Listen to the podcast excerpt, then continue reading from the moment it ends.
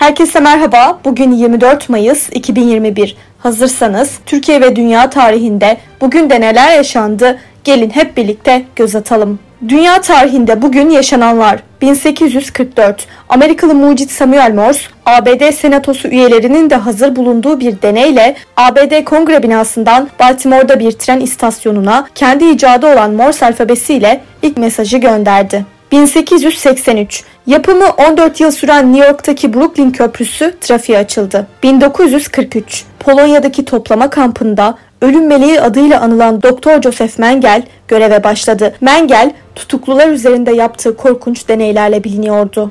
1956 ilk Erevizyon şarkı yarışması İsviçre'nin Lugano kentinde düzenlendi. 7 ülkenin katıldığı şarkı yarışmasını ev sahibi İsviçre adına yarışan Liasya'nın seslendirdiği Refrain isimli şarkı kazandı.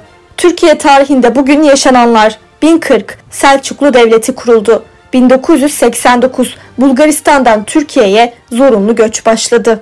2003 Letonya'nın başkenti Riga'da gerçekleştirilen 48. Erozyon şarkı yarışmasını Türkiye adına yarışan Sertab Erener kazandı. Bugün doğanlar 1914 Manhattan projesine katkı sağlayan Amerikalı nükleer fizikçi Herbert Anderson dünyaya geldi. 1946 Türk ekonomist, akademisyen ve siyasetçi, Türkiye'nin ilk kadın başbakanı Tansu Çiller doğdu. Bugün ölenler 1524 Türk Safevi İmparatorluğu'nun kurucusu Şah İsmail öldü. 1991 Türk asker İsmail Selen suikast sonucu hayatını kaybetti.